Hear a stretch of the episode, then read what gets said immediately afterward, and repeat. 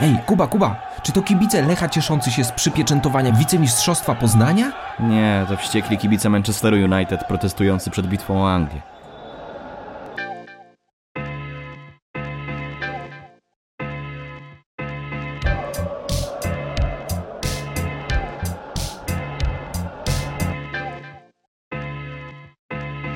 Dzień dobry wieczór, witają Was bardzo serdecznie. Jakub Jakubiec i Wiktor Piechowski, a to jest podcast Panu Bogu w okno.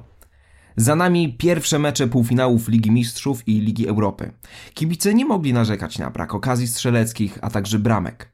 Timo Werner klasycznie zmarnował stuprocentową okazję, Karim Benzema typowo dla siebie wziął odpowiedzialność za całą drużynę Realu, a Kevin De Bruyne oraz Marquinhos pokazali jak powinien wyglądać prawdziwy lider drużyny.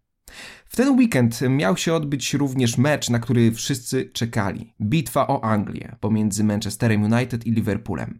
Widowisko nie rozpoczęło się jednak ze względu na wtargnięcie kibiców, którzy domagali się zmian właściciela.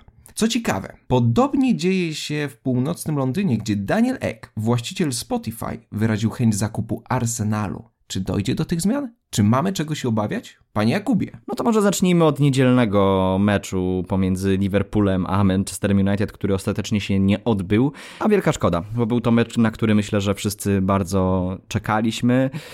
No ale kibice, protesty kibiców nie pozwoliły, żeby to spotkanie się rozpoczęło. Protesty kibiców dookoła stadionu, kibiców, którzy również wtargnęli na murawę, także tutaj naprawdę mieliśmy do czynienia z dość dużym naruszeniem przed startem tego, tego spotkania. Służby porządkowe nie były w stanie zapanować nad tą sytuacją, w związku z czym decyzję o rozpoczęciu meczu chwilowo zawieszono, a później mecz przełożono. Na moment nagrywania tego podcastu nie wiemy niestety na kiedy ten mecz został przełożony, natomiast podejrzewam, że raczej nie odbędzie się on w najbliższym czasie ze względu na puchary europejskie, w których nadal jeszcze występuje Manchester United, tylko pewnie po której z kolejek będziemy mieli taką podwójną kolejkę i wtedy to spotkanie zostanie rozegrane. No ale dobrze, przejdźmy do esencji tego problemu, Wiktorze. Glazer out. Glazer out. Dokładnie tak. Glazer out powiedziany w tym samym czasie. I nie tylko przez nas, tylko przez kibiców, którzy znaleźli się na stadionie. Bardzo ładna jest grafika, która pokazuje, jak duży skład na mecz z Liverpoolem miał zespół z Manchester United, gdzie obok normalnych 11 zawodników widać także po prostu protestujących. Do czego zmierzamy? Zmierzamy do tego, że właściciele Manchesteru United doprowadzili do sytuacji, w której kibice domagają się zmiany na stanowisku właściciela. Rodzina Glazerów od lat e, nie ukrywa tego, że Manchester United to dla nich biznes. Jakby nic innego, tylko zabezpieczenie finansowe, biznes. Typowe amerykańskie podejście. Dokładnie tak, dokładnie tak. Podobnie dzieje się również w Arsenalu, ale do tego zaraz przejdziemy. Jeżeli chodzi o Manchester United, to zespół po odejściu ze swojego stanowiska Sir Alexa Fergusona coraz niżej, coraz niżej podupadał. Nagle Ole Gunnar Solskjaer, no nie bójmy się tego stwierdzić, wzniósł tę drużynę na wyższy poziom, który i tak nie gwarantuje mistrzostwa kraju. Po ostatniej wygranej z Romą 6 do 2 e, wydawało się, że kibice raczej będą zadowoleni po wszystkich ekscesach związanych z Superligą, ale okazuje się, że ich gniew jest bardzo, ale to bardzo Potężny. Potężny, zapowiadający zmiany. No właśnie, tylko pytanie, czy do tych zmian dojdzie. I po pierwsze pytanie jest y, takie, czy te protesty faktycznie będą miały jakikolwiek wpływ na rodzinę Glazerów i ich decyzje, bo szczerze mówiąc na ten moment wątpię. Co innego, gdyby była taka sytuacja, y, o której dywagowali wczoraj dziennikarze Kanal Plus Sport, kiedy oczekiwaliśmy na start tego spotkania, którego się zresztą w końcu nie doczekaliśmy, a mianowicie, że jeżeli te protesty powtarzałyby się co tydzień przed każdym meczem, no to na pewno to by już jakąś reakcję wymusiło na właścicielach Manchester United. Tylko pytanie brzmi, czy oni chcą faktycznie się tego klubu pozbywać.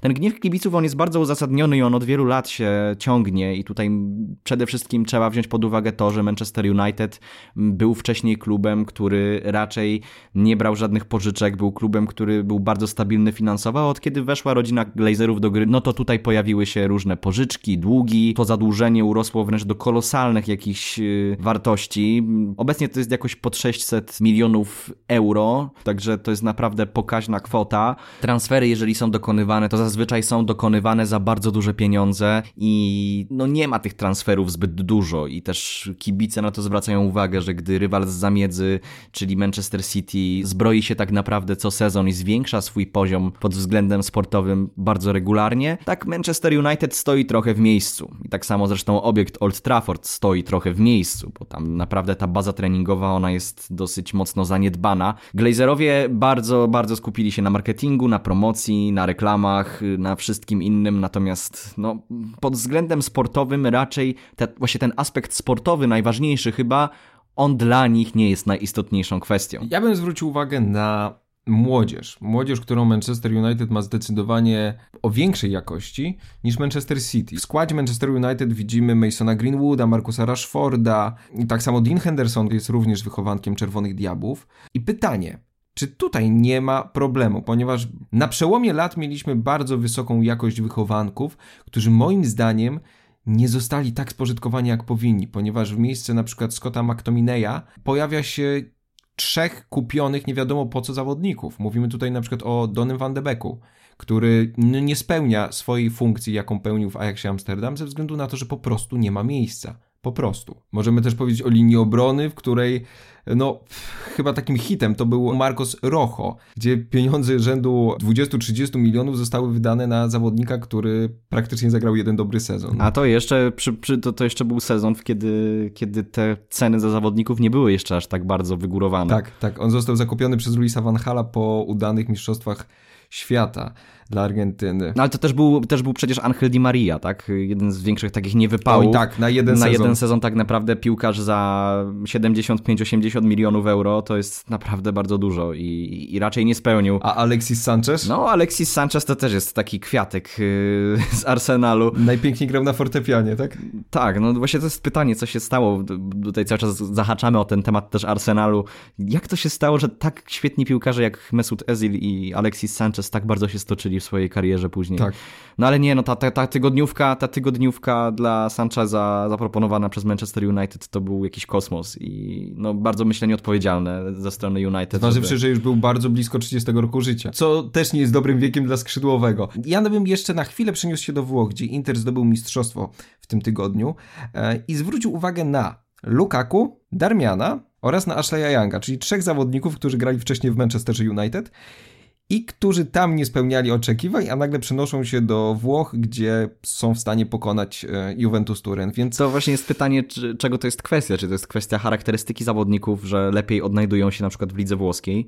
Jest to możliwe, bo ja pamiętam, że Ashley Young, kiedy przeszedł do Włoch, to naprawdę był rewelacją. I, i, i wszyscy się łapali za głowę, jakim cudem Ashley Young jest w stanie tak, na tak wysokim poziomie grać w Serie A.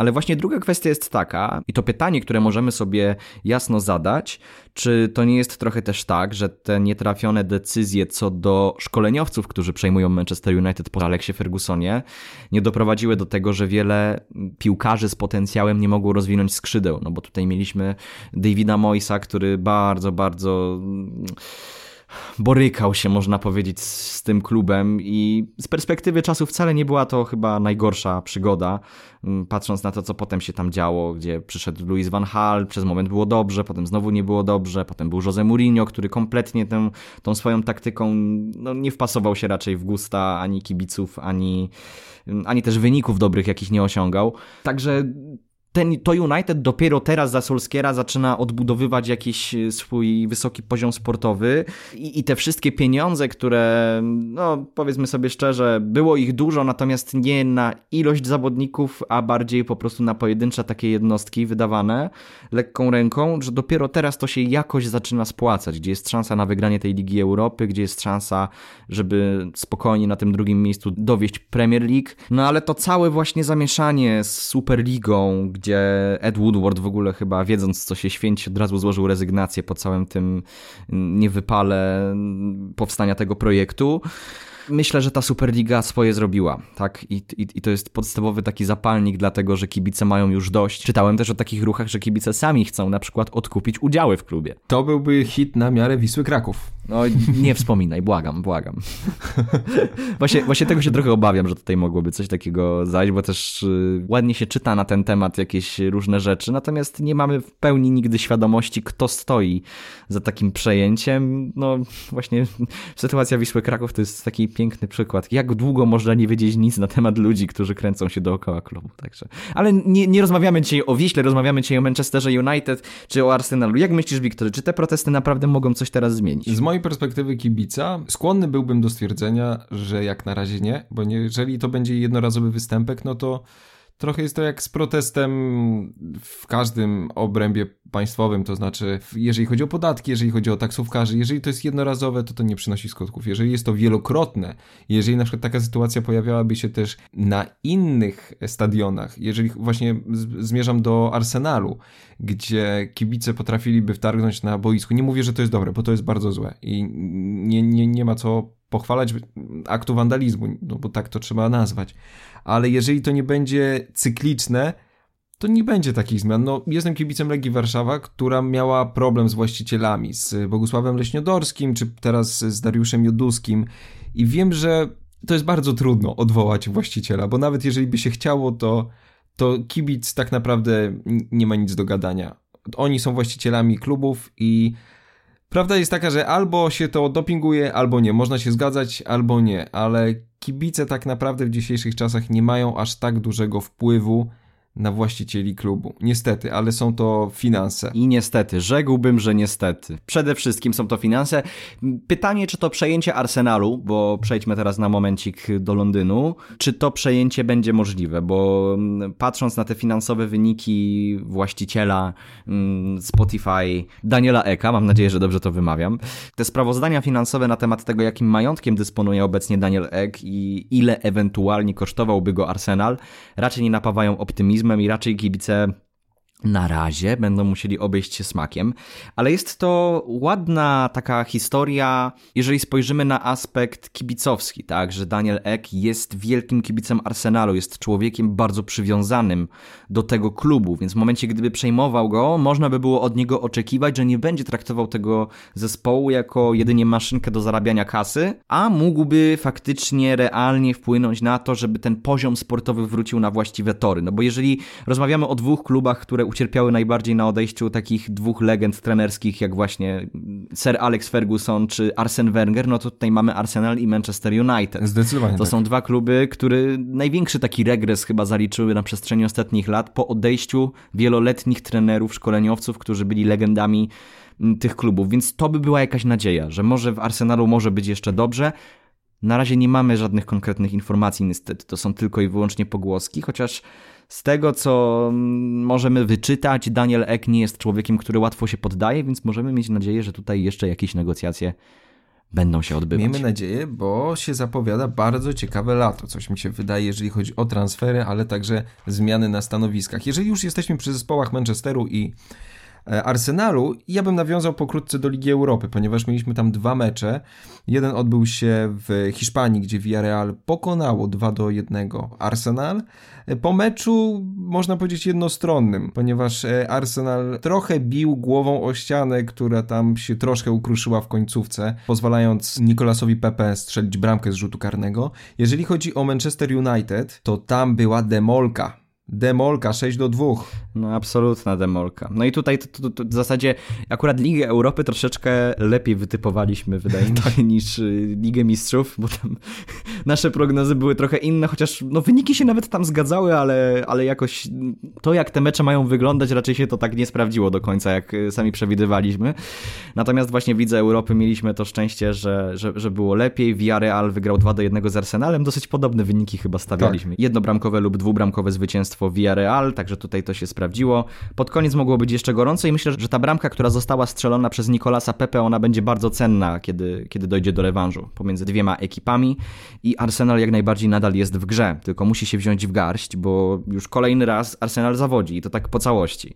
Ale już nie będziemy się znęcać hmm, nad, nad kanonierami i mamy nadzieję, że ta dyspozycja ona wróci, a może właśnie Daniel Ek jakiś tutaj ruch wykona, coś się tutaj może wydarzy, no ale przejdźmy faktycznie do tego meczu United z Romą. Pogrom. No, bolało mnie, o, oczy mnie bolały od tego, jak to wyglądało, tak? Yy, przynajmniej jeżeli chodzi o stronę Romy. Bo ja naprawdę miałem ogromną nadzieję na to, że Roma podejmie rękawice. Ta pierwsza bramka Bruno Fernandesza w dziewiątej minucie, ona otworzyła wynik tego spotkania, a potem mieliśmy dwie bramki dla Romy. Karny, którego Lorenzo Pellegrini wykorzystał. Później Edim Dzeko, również po asyście Pellegriniego. I ja tutaj miałem w głowie, wow, kompletnie się tego nie spodziewałem. Roma podejmuje walkę, będzie, to będzie bardzo zacięty mecz i będzie to dobrze wyglądało i wreszcie widzę Romę, która nie tak jak w dwumeczu z Ajaxem trochę tak błądzi, błądzi i czeka na jakiś łód szczęścia, tylko Roma, która wzięła sprawę w swoje ręce. No ale potem przyszedł po tej dobrej pierwszej połowie Edinson Cavani, który można powiedzieć pozamiatał dwa razy w 48 minucie, później w 64 minucie, później znowu Bruno Fernandes z rzutu karnego na 5 do 2 w 75 minucie, Paul Pogba strzela bramkę i na koniec jeszcze Mason Greenwood dopełnia tej symfonii zniszczenia z Romy. Biednej Romy, która myślę, że chyba żegna się z Ligą Europy. No i możemy chyba jedną nogą już tutaj powiedzieć, że United jest, nawet takim powiedziałbym, że półtorej nogi już y, United stoi w finale, także no, no nie wiem, spodziewasz się jakiejś remontady? Chociaż powiem ci 4-0, no jest to ciekawe. No, Roma nie ma nic do stracenia ze względu na to, że w lidze mm, włoskiej no, wiedzie jej się równie dobrze jak w ostatnim meczu z Manchesterem United. Yy, Sampdorią przegrali 2 do 0. No i co tu dłużej mówić? Albo wszystko, albo nic. No, albo mają Ligę Europy i rzucają wszystko Manchester United jest do pokonania, trzeba dobrze zablokować i jest to do zrobienia. No. A powinniśmy mieć jeszcze to na uwadze, że Roma jest zespołem, który te straty potrafi odrabiać i właśnie mecz z Barceloną był tego idealnym przykładem. Tak? Przegrana 1 do 4 w pierwszym spotkaniu, a później 3 do 0 i wyeliminowała w ćwierćfinale Barcelonę w 2018 roku. Ja ci powiem tak, jeżeli mam być szczery, to chciałbym, chciałbym naprawdę tutaj sensację zobaczyć. Serce mówi da radę, rozum mówi no niestety nie. Nie w tej formie chyba. Ale też zwróćmy uwagę na to, co się dzieje w klubie z Rzymu, ponieważ tam właściciele dość głośno mówią o tym, że Pablo Fonseca już żegna się z klubem. Nie wiem, czy dobrze jest mówić e, w mediach, będąc właścicielem, czy będąc w zarządzie o swoim trenerze, że jest do odstrzału. Mieliśmy taką sytuację już w Napoli, gdzie były pogłoski o zwolnieniu Rino Gattuso i do momentu, aż Rino Gattuso nie powiedział sorry, ale do końca sezonu ja jestem tym trenerem i proszę się ode mnie odczepić, do tego momentu nie było spokoju. W momencie, jak trener mówi sorry, ale ja tu jestem zatrudniony po to, żeby coś zrobić, no to możemy mówić o jakimś e, trenerze, który ma po prostu, kolokwialnie mówiąc, cojones.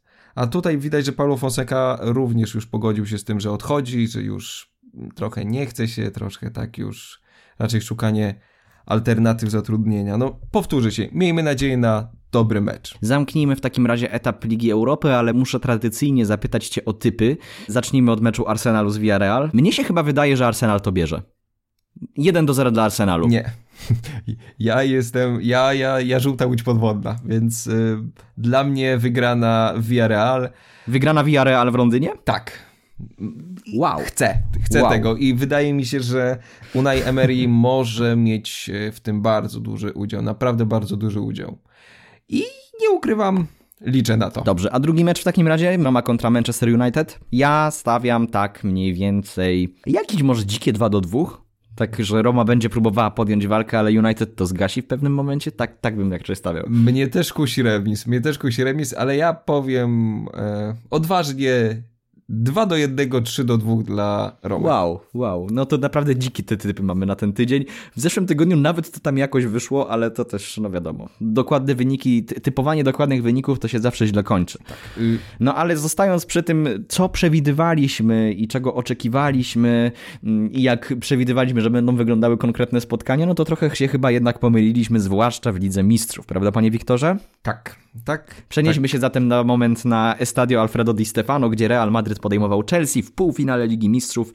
Jeden do jednego. Jeden do jednego i przebieg tego spotkania myślę, że zaskoczył wszystkich. Z tego, co słuchałem różnego rodzaju ekspertów, również tutaj były jakieś przewidywania na nudny mecz, bardzo zamknięty, a tymczasem, zwłaszcza w pierwszej połowie, mieliśmy otwartą wymianę ciosów, tak? I tutaj głównie nawet Chelsea była takim zespołem, który, który przeważał. Ja bym powiedział, że nawet dominowała w tym meczu, bo pierwsze 20 minut było tak intensywne w wykonaniu Chelsea, że aż sam się dziwiłem, skąd oni mają taką siłę i taką możliwość, taką mobilność. Zupełne przeciwieństwo, zupełne przeciwieństwo meczu z Liverpoolem, prawda?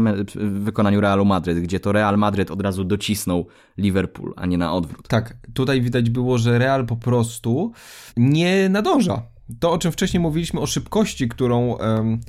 Dysponują zawodnicy Chelsea. Mówię tutaj o Pulisiciu, mówię tu także o Kante, który wybitnie schował do kieszeni Modricia, Casemiro i Krosa. Szapoba, czapki z głów, najlepszy piłkarz tego meczu.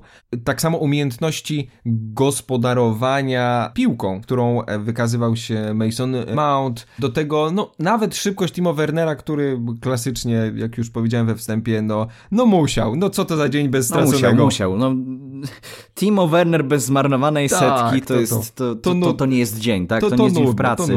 Trzeba przyznać, że Timo Werner nawet jak gra taki mecz, trochę mam wrażenie, że tutaj jest sytuacja podobna jak było w przypadku Fernando Torresa, który kiedyś grał w Chelsea, że nawet jak nie trafia i pudłuje te setki i kopie się w zasadzie po czole przez większość meczu, to to jest piłkarz, który daje bardzo dużo takiego impulsu w rozgrywaniu piłki, żeby, żeby przyspieszyć grę, żeby stworzyć jakąś sytuację i bardzo często bezpośrednio jest zamieszany w bramki, nawet jeśli ich nie zdobywa, albo nawet jeśli przy nich nie asystuje. Także jest to piłkarz bardzo użyteczny, no mhm. i tak jak mm, przewidywałeś, że Timo Werner tutaj będzie tym, tym szybkościowcem, który będzie chciał zabiegać Real Madryt, no to trochę tak też było. I, no, czy to był jego dobry występ? Raczej nie. Bardziej tutaj Christiana Pulisicia bym y, pochwalił. No tak, ale potem w 29 minucie jeszcze w pierwszej połowie Karim Benzema dodał tutaj nutkę wirtuozerii pewnego rodzaju, bo ta bramka to jest palce lizać, naprawdę. I, I, próbowałem się zastanawiać, kto tak naprawdę popełnił błąd przy tym, przy tym trafieniu, bo to był rzut rożny i strzał z takiej półprzewrotki w zasadzie. No, nie wiem, czy to można nazwać przewrotką w sumie. Co, coś w ten desen, jakiś taki wolej z półobrotu bardziej może. Ale fenomenalne trafienie Karima Benzemy i gdybym był obrońcą, chyba sam nie miałbym zbyt wiele do powiedzenia, także jednak te, te indywidualności w Realu i to doświadczenie, o którym cały czas wspominaliśmy na szczeblu Ligi Mistrzów, gdzie jest taki mecz, gdzie nawet im nie idzie, no tutaj dało o sobie znać, myślę. Francuz kolejny raz pokazał, że on jest liderem, że po odejściu Cristiano Ronaldo to on jest prawdziwym goleadorem, jeżeli chodzi o Real Madryt, a także... Rozwinął skrzydła tak. od, od odejścia Cristiano Ronaldo. Dokładnie tak, stał się prawdziwym liderem drużyny i ciągnie ten Real Madryt w drodze po mistrzostwo i w drodze po kolejną Ligę Mistrzów. I widać, że ten piłkarz po prostu dojrzał jako zawodnik, jako napastnik. Dojrzał nie tylko po to, żeby zdobywać bramki, ale także asystować, rozprowadzać grę. To świadczy o, tylko o tym, jak dobrym jest zawodnikiem. Przenieśmy się zatem na Parc des Princes, gdzie Paris Saint-Germain podejmowało Manchester City. Panie Wiktorze, gratuluję. Pan chyba to wytypował idealnie. Tak. Ja to wytypowałem idealnie i bardzo się z tego cieszę. 2 do 1 albo 1 do 2. E, Manchester City Chociaż początkowo miał problemy z kreatywnością zawodników z Paryża. PSG było bardzo mocne na początku. Tak, tak, ale jednak e, pierwsza połowa w wykonaniu mm, Paryżan za dużo energii w ich nogach wykorzystała i tak oto w drugiej części spotkania to Manchester City właśnie swoim doświadczeniem, swoją elastycznością, swoim takim step by step i świetną dyspozycją dwóch zawodników, Mareza i... De Bruyne. Tak, dokładnie. Belk i Algierczyk pokazali po prostu jak to się robi. No, kapitalna robota. Szkoda niestety e, dyspozycji Rubena Diasza, ponieważ jest to e, obrońca, który spokojnie może zostać nazwany obrońcą Manchesteru City w tym sezonie. No niestety, no, no nie fart przy, przy interwencji, która zakończyła się bramką dla Paryżan, ale mimo wszystko widać, jak doświadczoną drużyną jest Manchester City. Szczególnie w końcówce to było widać, jak potrafili spokojnie kontrolować piłkę, nawet przy wyniku 1 do 1, czy potem 1 do 2, czego nie można powiedzieć o Paryżanach, ponieważ w Paryżu chyba lubią awanturować, symulować. Widać było bardzo dużą taką bezradność, taką za... też, bezradność, też bezsilność, tak. tak, że tak już wszystko robimy, jak już jesteśmy bezsilni. Bardzo mi szkoda w tym wszystkim jest też Keylora Navasa, którego tak wychwaliliśmy przed tym spotkaniem, a no przy tej bramce Kevina De Bruyne nie popisał się. To, to, to był duży pech, ale no szczerze mówiąc bramkarz na takim poziomie nie powinien takich baboli raczej wpuszczać. To był taki centrostrzał w zasadzie, to co zrobił De Bruyne. Tak. Nie, nie wiem jak to nawet nazwać, to była taka wrzutka, która po prostu wpadła do bramki. Navas też pewnie myślał, że jeden z zawodników e, z obrony ją po prostu wybije, ale ona tak, akurat tak, tak. skręciła ale w mimo momencie wszystko. jak była na ziemi, więc można wszystkich albo nikogo winić. I szybkie obstawianie, panie Jakubie, w takim razie. Manchester City czy Paris Saint-Germain? No to w tym spotkaniu stawiałbym na... Hmm. Właśnie to, to, to jest trochę problematyczne. Ja myślę, że tutaj możemy się spodziewać dosyć ciekawego, ciekawego spotkania. Nie, no chyba, chyba Manchester City to przypieczętuje, ale może jakimś takim stabilnym remisikiem 1 do 1, także znowu stawiam na remis tych dwóch ekip. A ty? Ja stawiam na wygraną Manchesteru City poprzez doświadczenie. A w drugim meczu Real Madryt kontra Chelsea? No serce mi podpowiada, że, że, że Chelsea awansuje do finału, także stawiałbym tutaj na... No bo Chelsea, krótko mówiąc, musi ten mecz wygrać, żeby, żeby awansować dalej. Mm, 1 do 0 dla Chelsea. Ja mam nadzieję na 1-1 i parady bramkarskie w rzutach karnych. Zobaczymy. To nie jest wcale też wykluczone, bo dawno w sumie nie widzieliśmy rzutów karnych. Tak, w tej Lidze Mistrzów jeszcze, jeszcze nie mieliśmy okazji oglądać. A to zawsze emocje podbija. Tak, kończymy na dzisiaj. Dziękujemy Wam bardzo za to, że wysłuchaliście naszego podcastu. Jeżeli oglądacie nas na YouTubie, to zostawcie proszę łapkę w górę, subskrypcję, może jakiś komentarz, a jeżeli słuchacie nas na Spotify'u, no to tradycyjnie jakiś uśmiech, my będziemy wiedzieli. Także to by było z naszej strony tyle. Wpadajcie na naszego Facebooka i na Instagrama i mam nadzieję, że słyszymy się już niebawem, konkretnie za tydzień. Byli z Wami Wiktor Piechowski i Jakub Jakubiec, a to był podcast Panu Bogu w okno.